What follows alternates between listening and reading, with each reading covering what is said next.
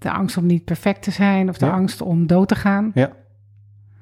De angst om het niet te doen. De angst om maar gewoon middelmatig te zijn. Om gewoon een lijf Ja, te hebben oh, wat, wat af en toe hapert. En wat, ja. Herkenbaar hoor. Ja. Is angst soms ook ergens goed voor? ja, angst is een hele vitale eh, emotie die eh, belangrijk is om je te laten weten dat er gevaar dreigt. En eigenlijk om je te laten weten, het gaat niet goed zo. Hallo, ik ben Willem Pinksterboer en ik ben vandaag in de house.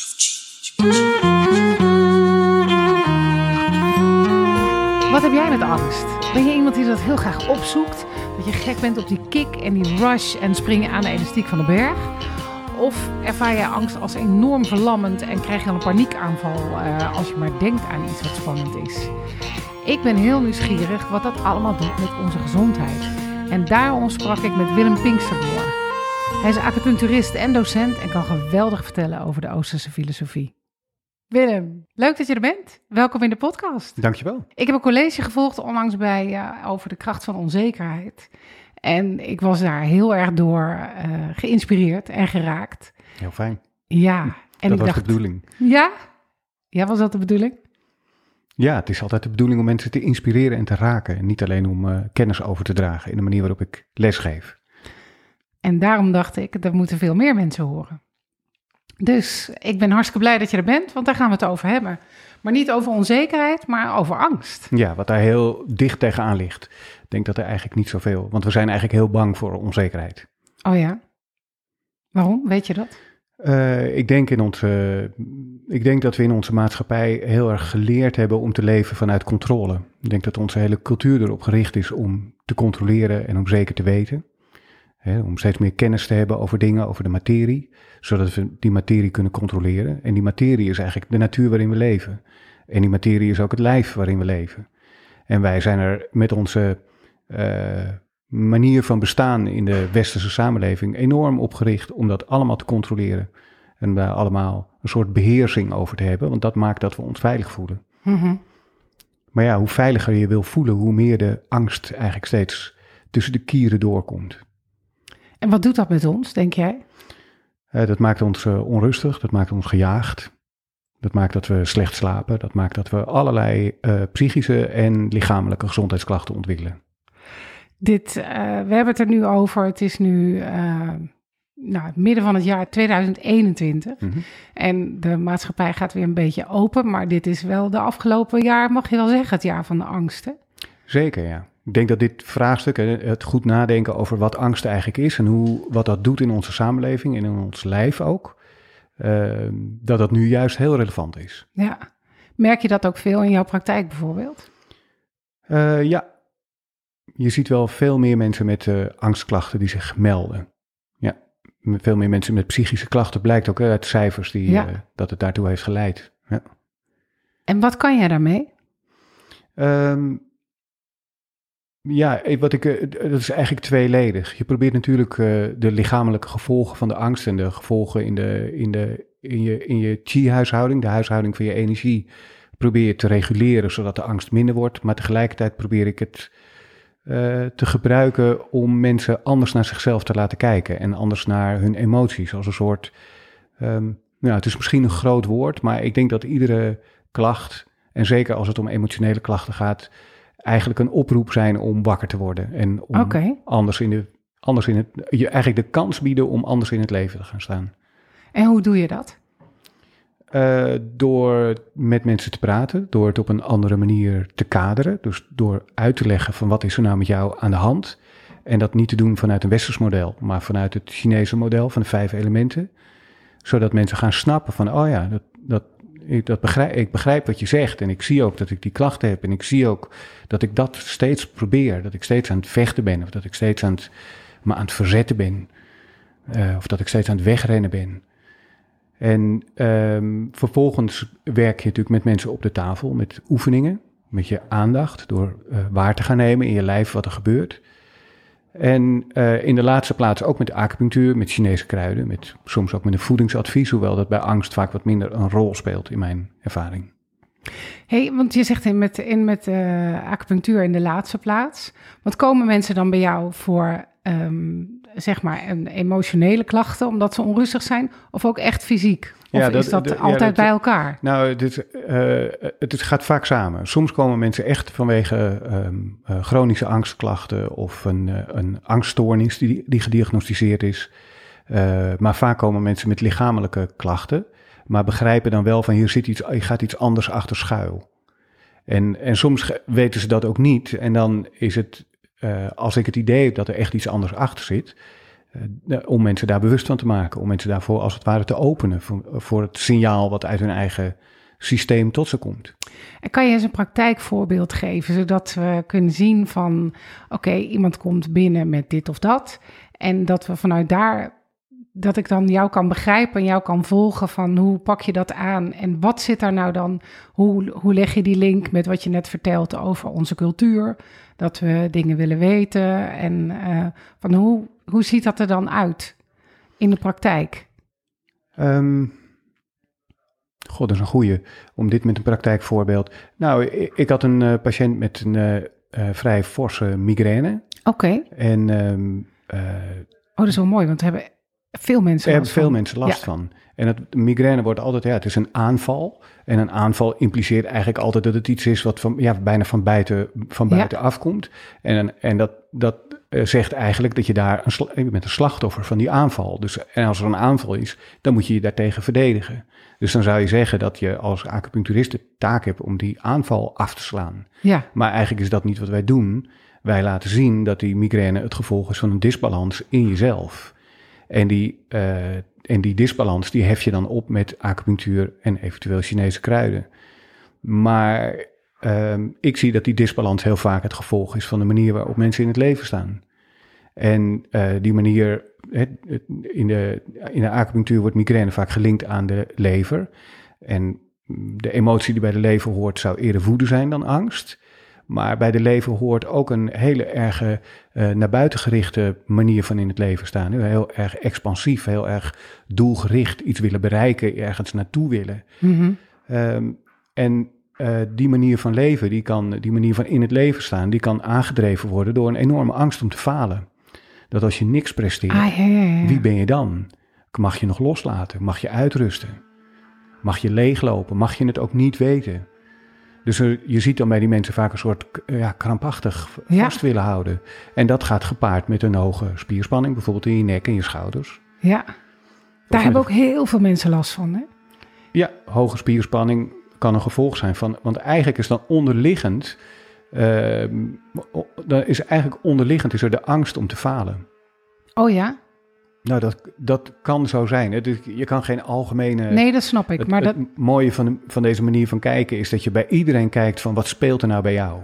Maar dat kan bijvoorbeeld zijn van ja, ik, ik, ik, moet, het, ik moet het halen. Ik moet mijn targets bijvoorbeeld halen. Ik, ik moet presteren. Ik moet. Een van de basisangsten. De, mensen denken vaak de allergrootste angst, de angstmoeder van alle angst, is de angst voor de dood. ja, En ik denk dat dat ook wel klopt voor je eigen vergankelijkheid. ja, Ehm, maar de tweede grote angst is de angst voor afwijzing. De angst Ja. om niet te voldoen. ja. En beide zie je worden eigenlijk gevoed door onze samenleving. Leg eens uit. Ehm, nou, de dood mag er helemaal niet meer zo zijn. Ja. In, eh, de hele medische traditie eh, lijkt er wel, de westers medische traditie lijkt erop gericht om de dood te verslaan. Ja, Dus want de, wat is nou, hoe wordt gemeten of de westerse geneeskunde succesvol is? Door te laten zien, maar we leven nu zoveel jaar langer dan vroeger. ah, ja, ja, ja. ja. dat, ja, nou, ik begrijp het wel. Dat is natuurlijk een enorme prestatie dat mensen niet meer eh, in hun kinderjaren aan een infectieziekte doodgaan. Ik wil het niet zeggen dat dat waardeloos is. Eh, maar daarmee zet je wel de dood, het komt tegenover het leven te staan en is niet meer een onderdeel van het bestaan. Maar het is een, nou, ik ben het met jou eens. En tegelijkertijd denk ik dan ook van ja, maar ja, bij de dood is het afgelopen. Dus dat wil je ook eigenlijk niet. Ehm, nee, als je mij, aan mij nu vraagt, wil je dood? Dan zou ik niet zeggen, eh, nou doe maar. Nee, nee, nee dat, wil ik, dat wil ik ook liever niet. Nee, Nee. dat begrijp ik ook wel. Eh, maar je moet wel zien dat op het moment dat je verzet tegen de dood te groot wordt, dat het eigenlijk, dat die manier van in het leven staan in zichzelf ziekmakend wordt. Omdat we daardoor, eh, want het, het- de dood is iets wat bij het leven hoort en wat Ja. heel natuurlijk is. De hele Eh, het hele leven vindt, zich, eh, vindt plaats in kringlopen, in cyclische bewegingen. Mhm. Dus het is ontstaan van het leven, doodgaan. De dood maakt de aarde weer vruchtbaar door de rot van de bladeren. Ja. En dat, dat voeten geeft eigenlijk geef je weer iets terug aan de natuur daarmee, zodat er een nieuwe cyclus kan ontstaan. ja. En de westerse manier van leven lijkt erop gericht te zijn om eh, die cyclus niet plaats te laten vinden. En om in Ja. een, een eeuwig stijgende lijn eh, naar boven te blijven. Het is gaan. grappig dat je dat zegt, want dat is voor vrouwengezondheid geldt dat ook, hè? Eh, Er zijn allerlei middelen waardoor de cyclus niet meer plaatsvindt. Precies. Zo kijk ik ook vaak naar PMS, premenstrueel syndroom. Ja, Dat wordt in de Chinese geneeskunde is het een stagnatie van qi die plaatsvindt voordat je ongesteld moet worden. En daar, nou, daar kan je dan allerlei typerende klachten bij krijgen, zoals spanning in je borst, buikpijn, eh mood swings, er kan Ja. van alles bij horen. Maar eigenlijk is, die, is dat die laatste fase voordat je ongesteld moet worden, dat is de fase van het loslaten en het naar Ja. binnen keren. Maar dat willen we niet meer. We willen altijd opgewekt, vrolijk, actief ah, ja, ja, zijn. ja, ja. Dus die kracht wordt zo gestimuleerd dat we eigenlijk niet meer weten hoe we ons tot die andere kant moeten verhouden. En dan geven we onze hormonen de schuld. ja. Maar eh, de klachten worden heel veel minder als je vrouwen leert om er ruimte voor te maken, om er zorg voor te dragen, om er verantwoordelijkheid voor te nemen. In plaats van het te denken een week voordat je ongesteld wordt en je voelt de eerste tekenen dat je denkt, oh, daar gaan we weer. ja. Want dat, ja, dat, dat betekent eigenlijk dat je in verzet gaat. Ja. En hoe, hoe is dat gegaan bij die mevrouw met eh, migraine? Ehm, ja, Want hoe kom je erachter dat zij dat of iemand zulke onderliggende weerstand of angst heeft? Of heel goed te kijken en heel goed te luisteren en heel goed te voelen. Ik denk dat dat ook is wat, wat ik mezelf, ja, wat ik, ja, wat ik geleerd heb in de loop Ja? der jaren. Om heel, ik ben in de praktijk vooral een waarnemer en een voeler. Dus ik gebruik mijn eigen lijf als een soort klankbord. hoe doe je dat? Ik, ja, ik neem waar wat het bij, me, wat het bij, me, bij mij oproept. Ah, en ja. ik probeer daar zelf zonder oordeel naar te kijken. En ik probeer als het ware mijn oordeel en mijn conclusies uit te stellen. Door alleen maar steeds meer contact te maken met hoe het nou, hoe de chi, hoe de energie in iemand beweegt. Door te voelen wat voor gevoelens het in mij oproept. Door wat ik zie in iemands gezicht. Door heel alert te zijn op de woordkeus die iemand, door iemands woordkeus. En dan kan je in kleine dingen, kan je soms voelen van, hé, hey, dat is eigenaardig dat je dat zo zegt. Of, Oh ja, of het maakt je, het, het- is eigenlijk de kracht van de nieuwsgierigheid. Dat ik denk, hé, hey, waarom, waarom zeg je dat zo? En dan stel je daar een vraag over. Ja. Dus de vragen stellen niet om het antwoord te weten, eh, zodat ik mijn correcte diagnose kan Ja, stellen, ja. maar het wordt meer de vraag stellen omdat ik oprecht geïnteresseerd ben in wat er nou gaande is bij iemand, omdat ik het wil begrijpen. Mhm. En dan komt die diagnose, die komt dan vanzelf wel. Maar dat is meer, dat staat bij mij op de tweede plaats. Ik wil eerst voelen wat er bij iemand gebeurt. En kan je eens, wat gebeurde er bij haar? Ehm, eh, hoe bedoel je in de bij de dame van de migraine? Ik hoop natuurlijk dat er zo meteen een, een, een verhaal komt van... en toen was de migraine over. Nee, nee, nee, nee, want, nee, want zo gaat het va- va- vaak niet. Dat willen we natuurlijk heel graag. Ja. Maar bij haar heeft het geleid tot een eh, eh, enorme afname van de frequentie Oké, eh, van de migraineaanvallen. nou dat is En, zeker een... belangrijk, maar belangrijker nog vind ik dat zij beter heeft geleerd hoe ze zich kan verhouden tot de migraine. Waardoor ze mm, er met minder verzet ingaat. Waardoor heel veel van die aanvallen omgebogen kunnen worden. Eigenlijk dus dat je ze kunt, eh, de, de beweging van de energie kunt toelaten. En kunt voelen van, oh ja, wat, wat wordt er nu van mij verwacht? Oké. Waar eh, roept dit mij toe op? En wat, waar, wat werd er dan bijvoorbeeld van haar verwacht? Om dat te begrijpen voor Nou, mij? in, in, in haar geval ging het vooral ook over meer eh, zelfzorg. Meer aandacht voor jezelf. En Ja. daar, daar speelt eigenlijk de angst. Ja, angst, je zou kunnen zeggen, angst is gewoon een een hele grote basisemotie. Die vaak verborgen zit achter heel veel andere emoties. Dus achter bezorgdheid, achter woede, achter verdriet. Stress. Stress is eigenlijk, eh, eh, kortdurende stress heeft eigenlijk ook altijd te maken met overleving. Hè. Mhm. Dieren hebben stress op het moment dat ze moeten jagen. Dan moet je helemaal op scherp staan of als er op je gejaagd wordt. Ja, Dus dat heeft eh, allebei een relatie met angst. Maar chronische stress heeft dat zeker. Chronische stress is eigenlijk een maatschappelijk geaccepteerd woord voordat we Ja. gewoon bang zijn. We zijn bang. Je bent bang dat je je deadlines niet haalt. Je bent bang dat je je werk niet afkrijgt. Want als je het niet afkrijgt, dan. Ja. Dus een voortdurende, als je last van stress hebt, dan ervaar je een voortdurende dreiging. Naar, hè? Klinkt dat? Ja. Het wordt ook veel, ja, bijna ernstiger. Dat je ziet van ja, maar dat is stress en dat is maatschappij. En dan moet je Ja. omleren gaan. hè. Het is echt een groot vraagstuk. Ja, Waarom zeker. leven wij in een wereld waarom zoveel mensen voortdurend dreiging voelen? Zijn er eigenlijk klachten die heel typisch horen bij eh, angst? Ik kan me voorstellen, eh slaapproblemen misschien, ja, maar ja die, die, die- dat- zeg je heel goed. Slaapproblemen hè, de- is een eh, typisch probleem waar, waar vaak angst een rol in speelt. ja, je zegt vaak, maar niet altijd. Nou, ik zeg nooit altijd.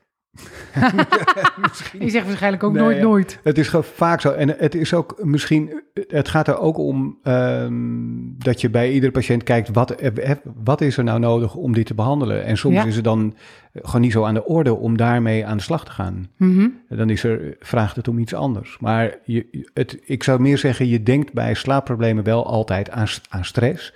En als je aan chronische stress denkt, heb je het dus eigenlijk over angst. Ja.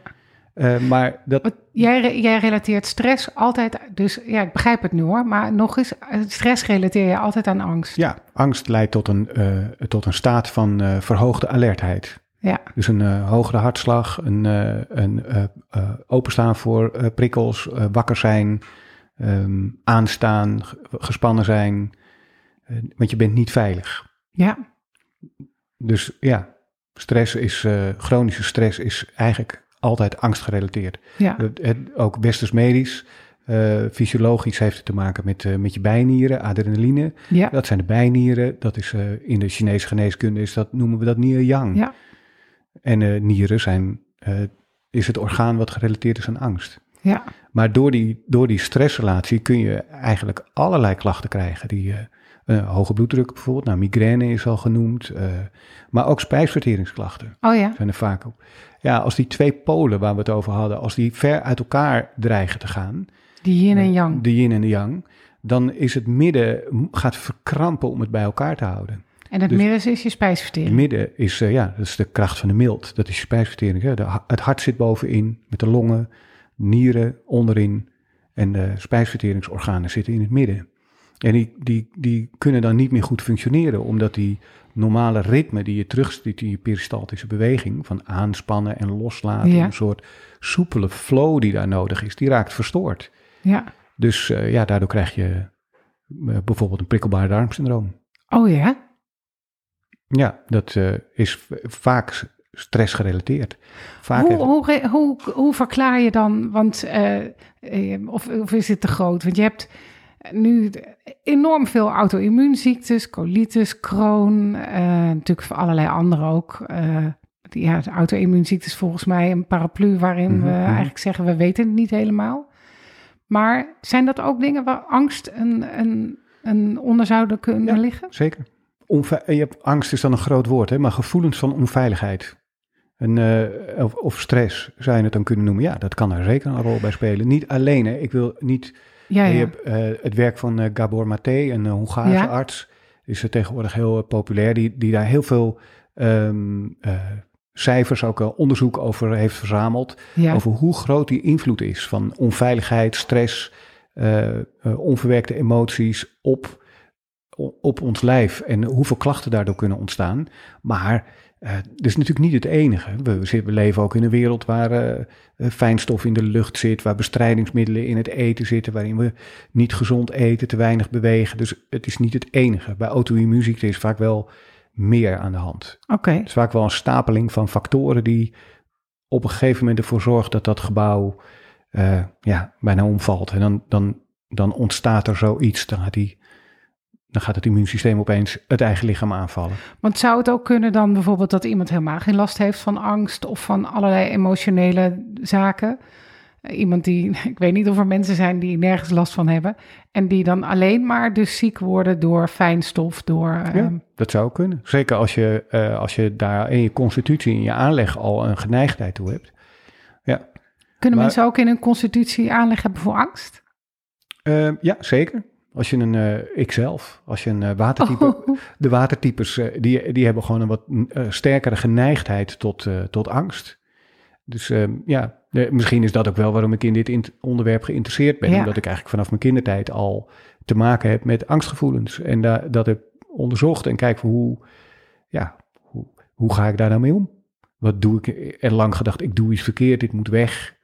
Maar geleidelijk aan uh, heb ik mijn relatie daarmee veranderd. En uh, ja, die angstgevoelens die zijn er nog steeds. Ik heb er alleen geen last meer van. Ah ja, ja. dat is het grote verschil. Ja. Hey, en spijsvertering hadden we het over, slaapproblemen. Hoe, hoe, hoe uitzicht dan, hoe komt dan, hoe leidt angst tot een slaapprobleem volgens het Chinese model? Nou, omdat, het, uh, omdat je uh, angst vaak te maken heeft met een uitputting van de yin-energie, van het waterelement. En die yin-energie, die heb je nodig. Die, die gaat over rusten, naar binnen keren. En, uh, en de duisternis eigenlijk toelaten. Mhm. Dus, uit, ook uit kunnen.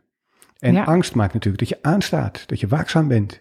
Ja, Dus dan wordt het moeilijker om, uh, om los te laten. Of daardoor schiet je op. Met mensen vaak zeggen, ja, dan word ik midden in de nacht wakker en dan sta ik meteen weer aan. ja, Dus dat je niet gewoon lekker onder de radar, onder die, onder die waterlijn kan blijven dobberen. Terwijl je even een plas doet en weer gaat liggen en meteen weer wegzeilt. Maar dat Ja. je meteen denkt van, oh ja, ik moet morgen moet dat niet vergeten, ik moet dat doen. Uh, oké. dat je eigenlijk meteen weer wakker bent. Zijn er nog andere dingen? Slaapproblemen, spijsvertering? Nou, eigenlijk zou je kunnen zeggen dat iedere, bijna iedere klacht, klacht in je bewegingsapparaat, spierspanning, Oh ja? uh, blessures die niet overgaan, zeker ja. Ah ja, dus niet Ja. de blessure zelf, maar het feit dat het niet Het overgaat. feit dat het niet overgaat. Ja, dat het, want je herstellend vermogen neemt af als je steeds aanstaat. Nou, ik moet dan toch wel even denken aan dit afgelopen anderhalf jaar en waar we nu nog middenin zitten eigenlijk. Eh, want volgens mij staan we met z'n allen voortdurend aan. En dan maakt het niet uit of je nou, eh, of het nou gaat over COVID, of de maatregelen, of je nou eh, voor een vaccin bent of tegen. Ja, absoluut. Ook in het conflict tussen die twee partijen. Ja. ja. daar probeer ik zelf ook helemaal uit te blijven. Om te zien van ja, het gaat vooral om het, uh, om wat doet dit nou met jou? Ja, En uh, dat, je daar, dat je verantwoordelijkheid voor jezelf neemt daarin. En ik denk dat dat ook heel goed past bij het Taoïsme. Die, uh, bij die, die Taoïstische leermeesters van vroeger. Die zeiden, ja, je moet je niet, je moet niet, niet je druk gaan maken over dingen die je echt niet kan veranderen. Beweeg mee, als, uh, beweeg buigzaam als riet, maar Ja. vooral vloei als water. en hoe Dus- moet je dat dan doen als je op je werk een deadline hebt en je bent bang om die niet te halen? Of als je de, eh, in je gezin de ene wel een vaccin wil en de ander niet. Hoe kan je daar dan zeg maar mee omgaan? Met die, met die angst die er is en daarin meebuigen? Of is dat een hele grote vraag? Maar Dat is wel denk ik een hele grote vraag, ja. Ehm, ehm, ik, het allerbelangrijkste is denk ik dat je het erkent. Oké, En dat je erkent, oh ja, daar ben ik bang voor. Daar, dat is de start. Er is, hier, er is hier angst. ja, En dat je voelt dat die angst ten koste gaat van jou. En dat bijvoorbeeld die deadline ten koste gaat van jou. En dat je bewust bent welke keuze je daarin maakt. En natuurlijk mag je best een keer een keuze maken die ten koste gaat van jou. mhm, dus als, eh, als je baas echt een keer heel erg omhoog zit en je nodig heeft in een weekend waar je eigenlijk dacht van nou, ik heb lekker vrij. ja, Maar dan wil je dat ook met je hele systeem zegt natuurlijk, ik ga je uit de brand helpen. mhm, Dus soms doe je even een stapje extra en ga je uit je, uit je comfortzone.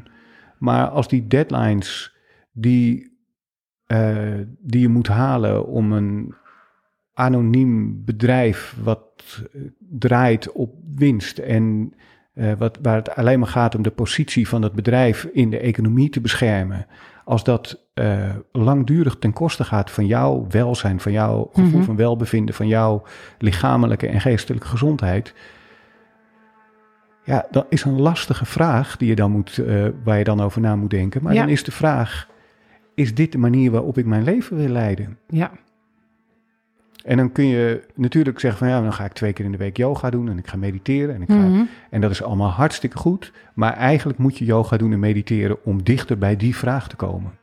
Want als je het alleen maar gebruikt om eh, de stress af te vlo- laten vloeien, Ja. zodat je de volgende Als dag er pleister. beter tegen kan, dan verandert er niet iets wezenlijks. Hoe bedoel je met om dichter bij die vraag te komen? Leg eens Om uit. dichter bij die vraag te komen. eh, Als je dichter, werkelijk dicht in contact komt bij jezelf, dan is er een stem in die zegt: Ik wil niet meer. Ik kan niet meer. Ja, Er is iets in jezelf wat dit helemaal niet fijn vindt. Ik noem dat in behandelingen vaak. eh, to- Ik, ik heb eigenlijk een beetje een moeilijke relatie met het woord, maar dat is je innerlijk kind. ja, ja. Dat noem ik vaak je, je kindstuk, je kinddeel. En de ouder die zegt: Nee, je moet nog even volhouden, je moet nog even doorgaan. Doe goed je best, werk hard, zet je schrap, even niet zeuren. En die maakt dat je zegt: Nou, oké, dan ga ik mijn best doen. Ja, Het kind wil de goedkeuring van de ouder. En met die aspecten die heb je ook, die draag je in jezelf. ja, En je lijf vertegenwoordigt veel meer het kind. En het kind zegt al jaren: Ik vind het niet zo leuk, zo. Ik wil dit eigenlijk niet. Ik vind het stom. Ik wil iets anders doen. ja. Ik ben niet gelukkig. En als je dat voortdurend negeert, dan gaat een kind steeds harder roepen en steeds harder gillen. Mhm. Totdat het klachten geeft. En je naar iemand toe gaat die zegt, eh, en zegt van joh, en maar dan zeg je dus, ik wil van mijn klachten af. Dus dat is wat ik ook vaak tegen mensen zeg. Van ja, het is hier net alsof je hier met een kind zit. ja, En je zegt, eh, nou, eh, bij een kinderpsycholoog, een jeugdpsycholoog, zegt, nou, eh, fix mijn kind. Want Ja. ik vind het zo vervelend. Dat kind is niet zo vervelend en het huilt maar en het wil maar niet naar school en het presteert maar niet. En ja, dan zeg ik, ja, als ik nou een goede psycholoog ben, dan zeg ik, nou, misschien moet je volgende keer je kind even thuis laten. Misschien moeten wij even gaan praten over hoe jij met dat kind omgaat. Want ik Hm. begrijp wel waarom zij of hij niet helemaal niet uit de verf komt. Ja. Ik heb in een van je blogs gelezen dat je eh, schrijft van nou, als die lijn breekt, zo, zo klinkt dit nu, wat je nu vertelt. En want dat je denkt, pff, als je dat maar lang genoeg negeert, dan gaat de nierenergie het opgeven. Ja. Kan je dat eens uitleggen? Ja, als je het, eh, je hebt allerlei eh, metaforen. ik gebruik heel veel beelden in de Oh ja? manier waarop ik Hoe werk. komt dat? Ehm, om, omdat, het, ehm, omdat ik vind dat beelden, metaforen, die maken vaak de, de theorie, die maken het voelbaar. Ja. Van, oh ja, dan zie je het voor je en dan snap je ook hoe dat, dat vertaalt zich dan ook weer meer naar je lijf toe, naar, naar hoe het zou kunnen voelen. Komt dat dan ook beter aan bij, jou, eh, bij jouw cliënten? Ja. Ja, dan, eh, dan Past ook echt bij Chinese geneeskunde, alle Ja, beschrijvingen en vol- de poëzie. Ja, ja. Dat, dat, dat poëtische, dat eh, trekt mij ook heel erg aan in de Chinese geneeskunde. Is dat in eh, Taoïsme ook? Of is dat wat, wat, wat eh, meer down to earth? Nee, nee, dat zijn eigenlijk allemaal, eh, zeker bij Changte zijn het eigenlijk allemaal rare verhaaltjes die, die Ah, ja, vertellen. ja. Heel erg leuk. Waar je dan iets uithaalt of wat je prikkelt of wat je tot denken, eh, wat je tot denken aanzet. Ja, Ja. Maar die, die lijn die breekt, dat zou je kunnen zien als een, als een vlieger die steeds hoger ja, wil en hoger en hoger en hoger. En je nierenergie is eigenlijk degene die aan de grond staat en hem, eh, die hem, zijn, ja, die, die hele vlieger kan alleen maar functioneren als hij stevig aan de grond gehouden wordt. Ja. Maar als je er steeds meer wind aan in laat blazen en hij moet steeds hoger en hij moet steeds harder, dan knapt op een gegeven moment de draad. En je Ja. weet wat er dan met de vlieger gebeurt. ja.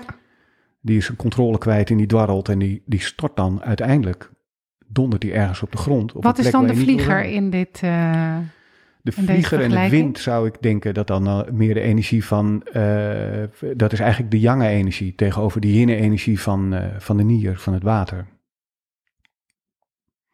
Dus en de jonge energie in, in alles? Of in de speciale organen? ehm, ik denk dat het vooral de leverenergie is, Ja. in dit geval. En wat kan je dan merken? Als ze de lijn breekt, Ja? nou ja, als, ik, als dat echt gebeurt, dan zit je met een, eh, meestal met een heel acuut probleem. Ja. En dat, ehm, dat is eh burn-out eh, en een angststoornis of depressie. En je ziet ook in de praktijk westers medisch dat er enorme overlap bestaat tussen die drie ziektebeelden, waar we over het hebben alsof het drie losstaande dingen zijn. Maar in de praktijk zijn ze vaak erg lastig van elkaar te scheiden. Ja. En zie je ook dat voor alle drie de ziektebeelden precies dezelfde medicatie wordt voorgeschreven. Dat is heel Ja. tekenend. Eigenlijk wordt, al, wordt ook bij mensen die een, een burn-out hebben waar ze niet goed uitkomen, komt uiteindelijk, zijn er vaak angstklachten of depressieve klachten. En er wordt ook daar vaak ehm, antidepressiva voor geschreven. Ja. En wat, en wat doe jij dan? Wat, je, je, je geeft, wat je al vertelt, inzicht. Dus mensen denken, oké, dit is wat ik doe. En dan? Ehm, het gaat in, eh, zowel in het boeddhisme als in het taoïsme, eh, heel erg om accepteren dat je bent waar je bent en dat er is wat er is. En eh, dat je beseft dat je pas een stap kunt zetten als je beseft dat je hier bent en dat er allerlei redenen zijn waarom je daar gekomen bent. En Mhm. wat ik zie bij mensen die angstklachten hebben, is dat ze zo snel mogelijk uit die angst willen. Ja, Eh, dus de angst wordt dan een probleem wat gefixt en opgelost moet worden, want dan, ja, dan wordt we weer weer terug zo, in dan het kunnen we patroon. weer terug in het patroon. En ehm, eh, want dan maak je eigenlijk nog steeds, probeer je nog steeds vanuit, terwijl er al niks meer is, proberen mensen nog steeds eruit te krabbelen en, en zijn nog steeds aan het vechten. En dat is nog steeds die, die, eh, die eigenlijk leverenergie die ook op, op is geraakt, waar je nog steeds een appel op doet. ja, Dus mensen blijven dan een appel doen op die nierenergie en die levenenergie. Maar wat er eigenlijk moet gebeuren is dat je moet voeden, dat je moet rusten. En dat je niet moet gaan vragen wat moet er gebeuren om dit probleem op te lossen. Maar dat de vraag gesteld moet worden, wat heb ik nodig? Wat vraagt dit van mij? ja. Dus dat je er, dat je echt zorg voor jezelf gaat dragen. En daar, daar zijn we zo, echt zorg dragen voor jezelf, zijn we niet zo heel goed meer in. Nee, wat, wat is voor jou zorg dragen voor jezelf? Eh, luisteren naar jezelf. Bij jezelf in contact zijn met wat je voelt en wat je ervaart. Kan iedereen dat? Nee. Nee, zeker niet. Ik, er zijn een paar vragen die ik vaak stel aan mensen. En een van die vragen is: Is jouw lijf primair een apparaat wat jou brengt waar je naartoe wil? Wat je, een soort, eh, wat je nodig hebt om je doelen te kunnen bereiken, Mhm. om je taken uit te kunnen voeren? Of is je lijf primair een gevoelsinstrument wat je vertelt hoe het met je gaat en wat er gaande is? Mhm. En dan zie je dat, eh, ja, de, de, ik denk de, de meerderheid van de mensen zegt: eh, Oh nee, ja, nee, nee, dat is een apparaat. Oh ja, Het is een, een machine. En als daar een, een bug in zit, als daar een defect in zit, dan moet dat gewoon Ja. opgelost, dan moet dat gefixt worden. En mensen zorgen er vaak wel goed voor. Dat zie ik ook bij, bij ehm, mensen die, ook bij mensen die heel veel met gezondheid bezig zijn, die heel eh, bewust Ja, eten ja, ja. en heel bewust met, met sporten bezig zijn, is eigenlijk allemaal nog steeds gericht om dat lijf wat ze hebben, en niet wat ze zijn, om dat zo perfect mogelijk in conditie te krijgen. Dus er wordt heel goed voor gezorgd. Maar het is meer als een kind wat je zorgt dat de beste opleiding, Ja. de beste kleding en de, bij de beste psychologen zit. Maar luister je ook naar dat kind? ja. Ik begrijp wat je zegt. Dan is het misschien eigenlijk ook gebaseerd op angst. Eh, dat denk ik wel, ja. Ja, De angst om niet perfect te zijn of de Ja. angst om dood te gaan. ja. De angst om het niet te doen, de angst om maar gewoon middelmatig te zijn, om gewoon een lijf te hebben oh, wat, af en toe hapert en wat, ja. Herkenbaar hoor. ja. Ja, is angst soms ook ergens goed voor? Ja, angst is een hele vitale eh, emotie die eh, belangrijk is om je te laten weten dat er gevaar dreigt. Ja. En eigenlijk om je te laten weten, het gaat niet goed zo. Ah, ja. Dus, ah, en angst laat je ook, eh, zonder de angst weet je niet dat je leeft. Dus dat is dan weer waar mensen, waarom mensen angst vaak opzoeken. Waarom mensen met een elastiek aan hun enkels van een eh, hijskraan af gaan springen. Ja. Om die angst te voelen, want dan voel je dat je leeft. ja, Dus eh, het, er is ook niks mis met ehm, je. Nou ja, dat is eigenlijk ook waarom ik in mijn behandelingen mensen aanraad of mensen leer hoe ze echt contact kunnen maken met hun angst. En hoe je, want dat is het antwoord, is natuurlijk dat je niet meer bang bent voor je angst. Hoe, hoe leer je ze? Wat moeten ze dan doen? Eh, door heel voorzichtig te gaan voelen. Ik, ik noem dat zelf, ik, ik heb dat niet, eh, ik heb daar geen boek over geschreven, maar ik noem het zelf, omdat het toch maar een beetje naam moet hebben, een soort applied mindfulness. Oké, Dus dat je geen mindfulness meer doet, waardoor je in, in vaste stappen door je lichaam gaat. Maar mm, het is meer een soort dialoog die je aangaat met je eigen lijf. Dus de, het eerste wat je doet, is ga eens voelen, waar zit de angst nou eigenlijk? Kan je de plek voelen in je lijf waar het gebeurt? En meestal is dat ergens in je bovenlichaam. ja. Bij je middenrif of in je onderbuik of in je borst. Of heel veel bij mensen bij een keel ook, waar het, de angst je bij de strot grijpt. ja, En, ehm, en dan vraag ik van, nou, ga eens als je nou gewoon helemaal induikt met je aandacht, wat gebeurt er dan? En zeg maar, ja, want dat wordt vaak gezegd, hè, ja, je moet het gewoon voelen. ja, Maar dan, dan als mensen echt met hun aandacht helemaal naar die angst toe gaan, dan triggert dat al die angstige gedachten en dan gaat de ademhaling omhoog en dan, dus, dan vraag ik, helpt dit je? En zegt nee, dit helpt helemaal Nee. niet. Dus nou gaan we kijken of we wel in je lijf kunnen landen, want je moet weer naar je basis. Hè. Je water, de, de waterenergie, de kracht van de nier kan je ook vergelijken met de kiel onder een schip. Ja. Met je anker. Dus dat gebeurt onder de waterlijn. Dat is heel materieel en dat is zwaar. Dus we moeten naar je lichaam toe. We moeten niet, maar dat is eigenlijk wat, je, Ja. wat er nodig is. Want ik, ik vraag, een andere vraag die ik vaak stel is: eh, leef je meer vanuit je hoofd of vanuit je lijf? En de mensen die hun lijf als een apparaat zien, die zitten vaak heel erg in hun hoofd. Leven Ja. vanuit hun hoofd, vanuit hun denken. En eh, in, die, in die manier van werken probeer ik meer je weer echt te laten verbinden met je lijf. En te gaan bestaan vanuit je lijf. Om te laten voelen dat je niet een lijf hebt, maar dat je dat echt bent. Ja. Dus dan gaan we kijken of we naar andere plekken in je lijf kunnen vinden waar je contact kan gaan maken, waar je je aandacht naartoe kan brengen, waardoor het rustiger wordt, waardoor je weer eh, contact maakt. En of je dan heel langzaam vanuit een soort geruststelling en vertrouwen, want vertrouwen is eigenlijk het, het tegengif voor de angst, Ja.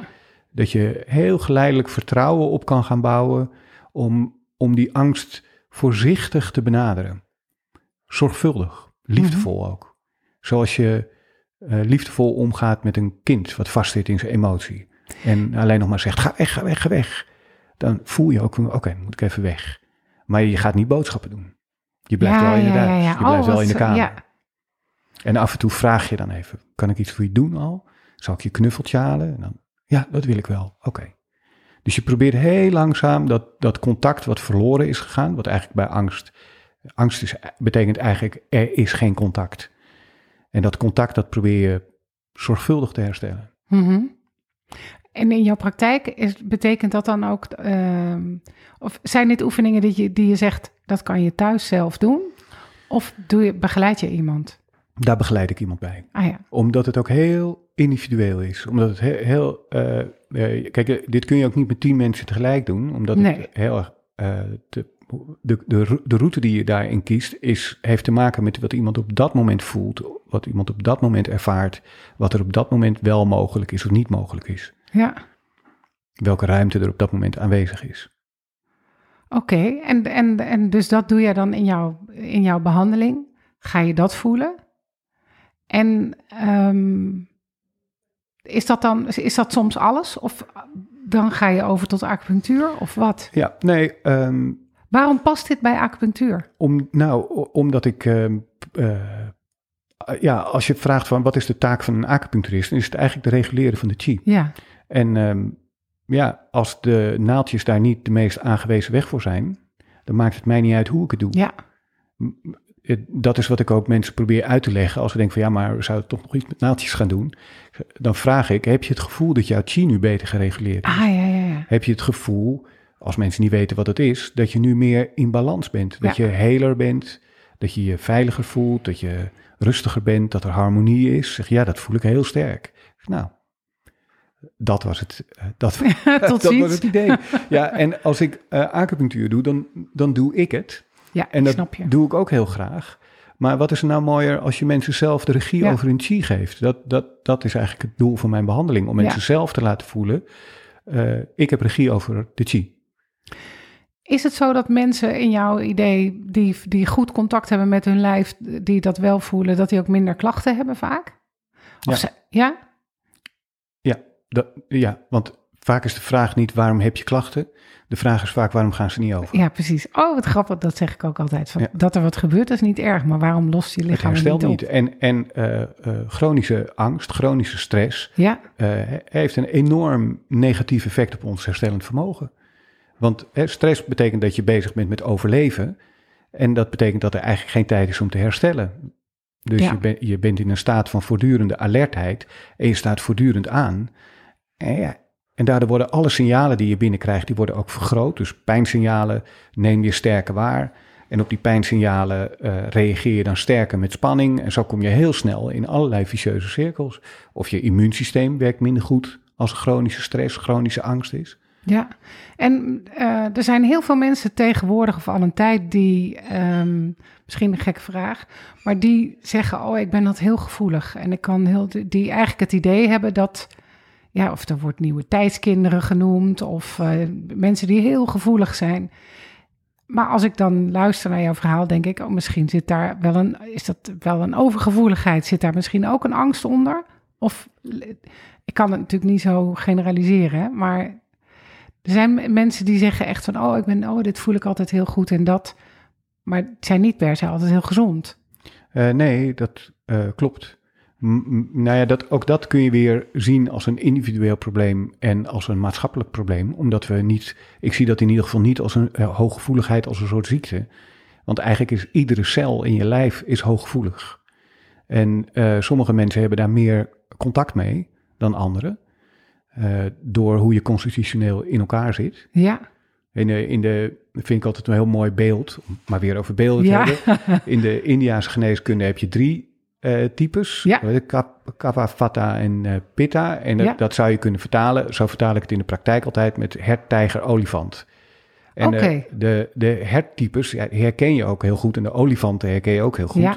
Olifanten zijn mensen met vaak wat, wat grotere botstructuur, wat dikkere huid. Ja, Eh, die kunnen heel hard werken. Ze zijn zich niet zo bewust van de signalen die van binnen uitkomen. ja, Eh, Ja, maar je hebt ook de echte hertjes. En als hertjes proberen te leven als een olifant of als een tijger, dat gaat niet goed. En onze maatschappij, heel veel bedrijven, die vragen om olifanten Ah, en ja, ja. tijgers en niet om hertjes. Dus ehm, als je een hert bent, dan heb je het in deze samenleving wel zwaarder te verduren. ja, moet je ook kijken, de enorme prikkeldichtheid. ja, dan moet je ook wel bijna een olifant zijn, wil je daar gewoon maar doorheen marcheren. ja. Wat moeten we doen met deze maatschappij? Ja, nou ja, ik denk dat de maatschappij eh, is opgebouwd uit, uit een heleboel individuen. Ja, En eh, die individuen die moeten bewust worden en veranderen en eigenlijk allemaal zeggen, ik doe niet meer mee aan deze manier van, eh, van bewegen. Ik ga kiezen voor niet zozeer mezelf, maar ik ga kiezen voor verbinding en luisteren. ja, En van daaruit wil ik best een bijdrage leveren aan deze maatschappij. En dan ontstaat er eh, een, ja, een soort, hoe noem je dat, zo'n tipping point. ja. En dan zal de maatschappij op een gegeven moment ook, ver- ook veranderen. Heb je het idee, zijn er maatschappijen in jouw, in jouw idee die, die op die manier leven?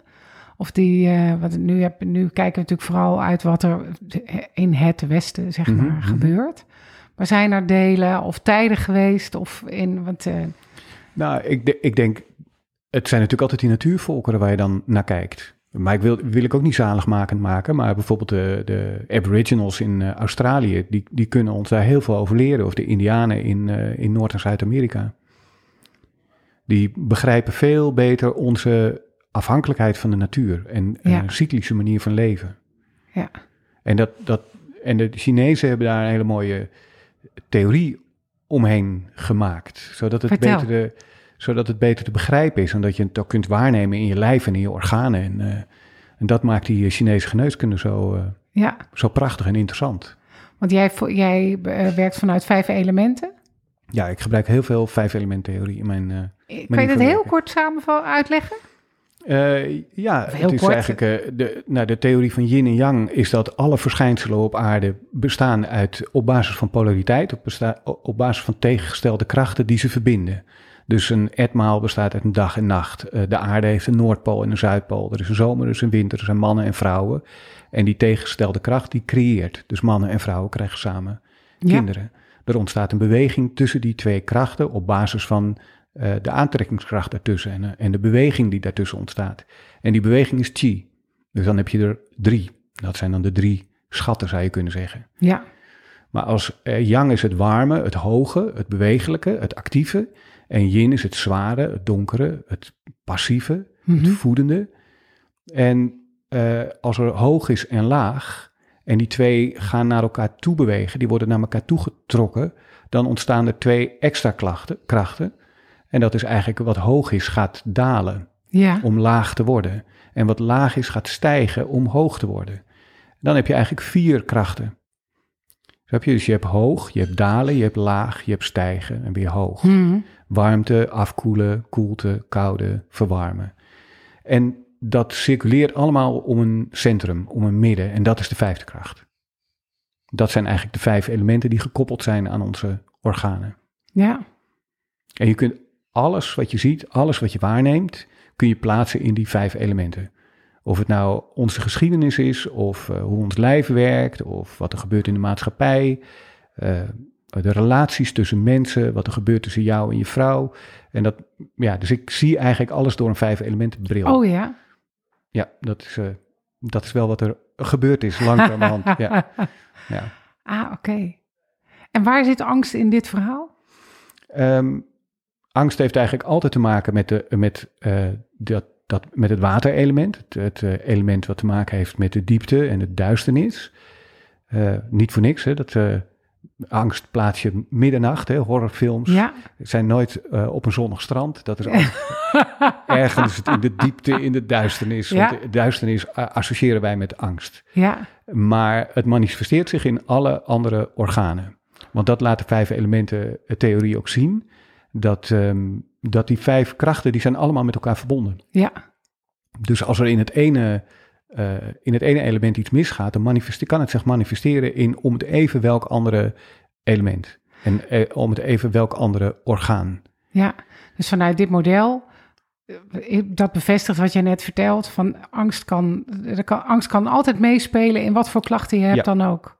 Dat is ook wat bij acupuncturisten wel, wel eens misgaat, omdat wij in de opleiding leren angst hoort bij de nier. De Ja. nier, orgaan van het waterelement. Dus als er angst is, dan voed je de nier. Ehm, en ik heb toevallig net een scriptie begeleid van een studente die haar scriptie heeft geschreven over angst. Ja, eh, benaderd vanuit de Wuxing, de vijf elementen.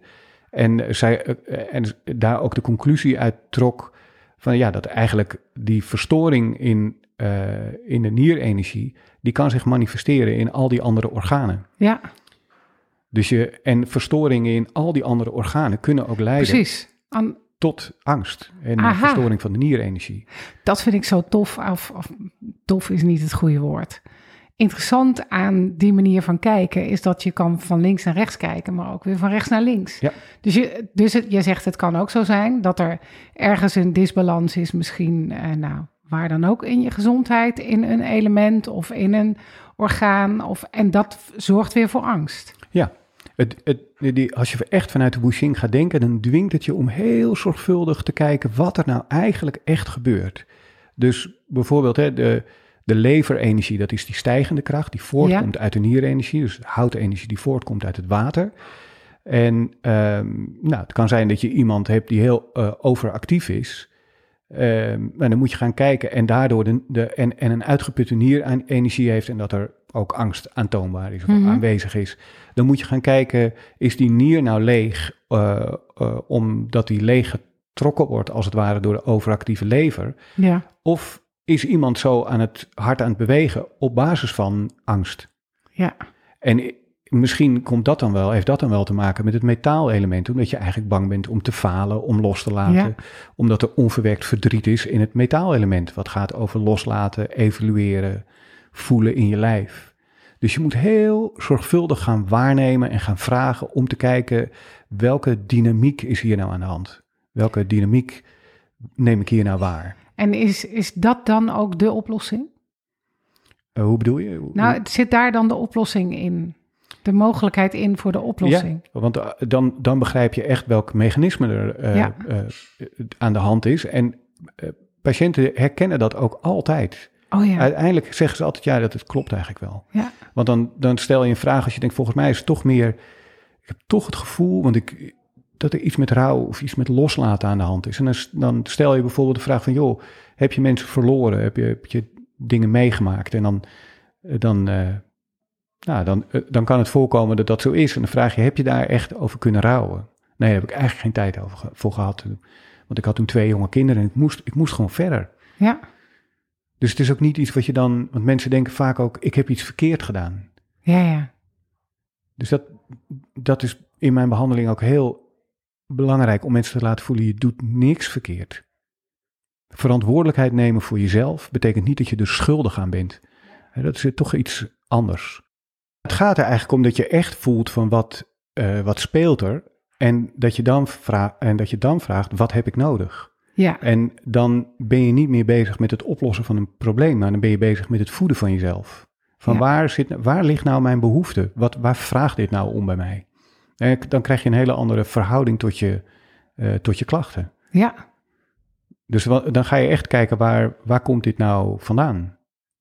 En dat, dat is wat ik in mijn praktijk met mensen probeer te doen, zodat ze het, belangrijk om, ehm, om te benoemen is dat het in de Chinese geneeskunde, in de Chinese filosofie, allemaal draai- draait om het midden. Dus ook letterlijk, het draait om het midden. Daar zit de as van het wiel, daar is de maximale beweging, daar komt de verandering en de transformatie vandaan. En eh, de chi zit ook in het midden tussen de polen van yin en yang. En verantwoordelijk zit, verantwoordelijkheid zit ook in het midden. Verantwoordelijkheid heeft, heeft iets verbindends. Ja, Dus dat zit in het midden tussen eh, schuld en slacht- slachtofferschap. ja, En vaak zitten wij in ons hoofd eh, heel erg tussen de polen eh, de schuld, de aanklager en het slachtoffer. Of de kritische ouder die zegt van ja, dat doe je toch stom, maar dat moet je toch anders doen. Je moet gewoon meer je best doen en andere mensen hebben het toch ook niet. En eh, je hebt toch eigenlijk, wat mensen ook zo vaak tegen mij zeggen, ja, en ik heb toch eigenlijk niks te klagen, want ik heb een hartstikke leuke partner en een Ja. fijn gezin en ik woon hier, ik heb alles wat mijn hartje begeert. Dus eigenlijk is dan de boodschap, stel je niet zo aan. En ondertussen dat kind wat klaagt. Ik voel me niet lekker en ik wil niet meer. Ik heb er geen zin in. En ik Mhm. wil dat dit ophoudt. Ik wil dat die klachten weggaan. Maar die polen die helpen je beiden niet om verantwoordelijkheid te nemen. Want dat Nee. zit in het midden. Jongens, wat is hier nou eigenlijk aan de hand? Hoe gaan we hier uitkomen? ja, En dat is een heel andere houding dan dat je je probleem gaat fixen. ja, Je probleem fixen gaat altijd over teruggaan naar hoe het eerder was. Dan kun je weer doorgaan in hoe het was. En de Chinese geneeskunde, dat wiel wat eigenlijk steeds draait, is een transformatieproces. ja, En transformatie, in een transformatie wordt het niet meer zoals het was, maar ga je naar een nieuwe werkelijkheid toe Ja. die meer past bij een nieuwe levensfase of een nieuwe situatie. Volgens mij is dat wat we moeten gaan doen dan, hè? Terug naar het midden. Terug naar het midden. Volgens mij is dat ook in onze maatschappij, hè, Ja. wat je zegt. Die, je ziet overal polariteit tussen de mensen die bang zijn voor een eh, totalitaire overheid en de mensen die bang zijn voor een virus. En we zijn allemaal bang en we zijn allemaal met elkaar oneens. En, Ja. en waar we eigenlijk het meest bang voor zijn, is dat de samenhang aan het verdwijnen is. Ja, Alles is aan het fragmenteren, alles is aan het, eh, dreigt, eh, dreigt een beetje uit elkaar te vallen. In het politieke spectrum zie je het ook. En ik denk wat mensen nodig hebben is vaak de verbinding, ja. want die missen we. En mag ik daar dan nog één ding over vragen? Want dan, je gaat voelen naar wat heb ik nodig? Dat klinkt dan misschien voor sommige mensen van, eh, maar moet ik niet eigenlijk vragen wat jij nodig hebt? Nou ja, dat is al ook een enorme valkuil in onze eh, christelijke samenleving met christelijke Oké. roots. Is dat het altijd gaat over wat de ander nodig Ja. heeft. Veelal. Ja, En ja, en, en vragen wat jij nodig hebt, wat je zelf nodig hebt, is toch iets anders dan wat je lekker vindt. Hè, een, een, want de, de vraag is, wat heb je echt nodig? Eh, want we verwennen onszelf wel met eh, Netflix en met een dure telefoon en met een auto. En eh, we, we hebben, in dat zin kunnen we onszelf best volstoppen met allerlei aangename prikkels. Hmm. Maar dat is een andere vraag dan, wat heb je echt nodig? Want soms moet je dan ook iets gaan doen wat je eng vindt, wat Ja. je uit de weg gaat. zou daar dan de stappen in zitten? De eerste vraag, wat heb ik nodig? En omdat je daarmee naar het midden komt, dat dan eigenlijk de oplossing en, en de verbinding vanzelf komt? Ja, in, in mijn praktijk eh, probeer ik het eh, tastbaar te maken in welke beweging heb ik in mijn chi nodig. Dus ik laat mensen zelf voelen, is je chi heel erg aan het stijgen of is hij heel erg aan het dalen? En is hij heel erg, waar, waar voel je het bewegen? Waar moet jij nou met je eh, aandacht heen en met je energie heen om, om meer balans te creëren? Dus ik wil wel, het klinkt misschien bijna alsof ik een psycholoog ben.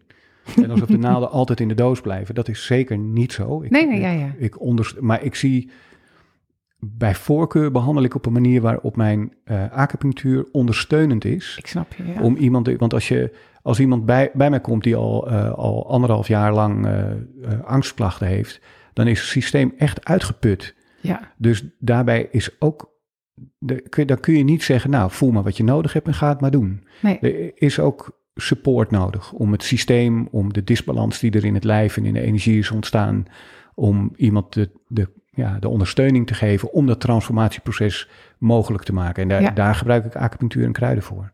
Ja. Maar bij voorkeur doe ik het ondersteunend aan een groter proces van, eh, van transformatie en inzicht en heling. mooi. Is er nog iets wat ik ben vergeten te vragen? Goh, dat is, dat is op zich alweer een goede vraag. Nee, ik denk dat het belangrijkste wel, eh, wel gezegd is. Ja, in, in, in- weet je, de Chinese geneeskunde, het is echt zo, zo'n ongelofelijke rijkdom aan Ja, kennis die daar, eh, eh, die daar zit. Dat, en ik vind het wel eens jammer dat acupuncturisten dat vooral gebruiken om zelf een diagnose te stellen, om zelf te weten wat er met de patiënt aan de hand is en dat dan eigenlijk voor de patiënt op te gaan lossen. Mhm. Terwijl deze tijd vraagt echt om bewustwording en verandering. En, en ik heb het idee dat patiënten dat vaak zelf ook willen. Ook willen. Ik wil het eigenlijk anders. En eh, soms zijn ze er niet bewust van. Maar de Chinese geneeskunde biedt zo'n helder beeld. Je kan mensen zo goed uitleggen wat er bij ze speelt. Ja, En wat er in de maatschappij speelt. En waarom ze het moeilijk hebben. Waarom ze nou precies die klacht hebben. Dat het, het is zo'n rijke bron aan inzicht, ook voor je patiënten. En ik denk dat dat is omdat hè, het gaat om het midden. De Chinese geneeskunde is niet een spirituele traditie, maar het is ook niet een soort materiële traditie. Nee. Het verbindt beide aspecten. Dus dat, dat Chinese perspectief op de werkelijkheid is daarin ook echt uniek, omdat het zo'n verbindend perspectief is. Waarbij je en je hoofd, je ratio gebruikt, en je gevoel, en je spirituele aspecten, en je emoties. Alles eh, komt daarin samen. ja. Dus ehm, Chine- Uitgenodigd om... eh, uitgenodigd, ja zeker. Ja, ja de. Chinese geneeskunde verdient, vind ik, echt een, groot, echt een grote plaats in de gezondheidszorg. Absoluut. Ja, maar niet alleen omdat wij net zo goed als met pillen een klacht kunnen fixen. Omdat. Ja. hooikoorts erdoor weggaat. Dat heeft een veel grotere, de betekenis is veel dieper, rijker en groter dan dat. Mooi. Vind Dank- ik ook. Ja. Dankjewel. Heel graag gedaan. Heel bedankt voor dit gesprek.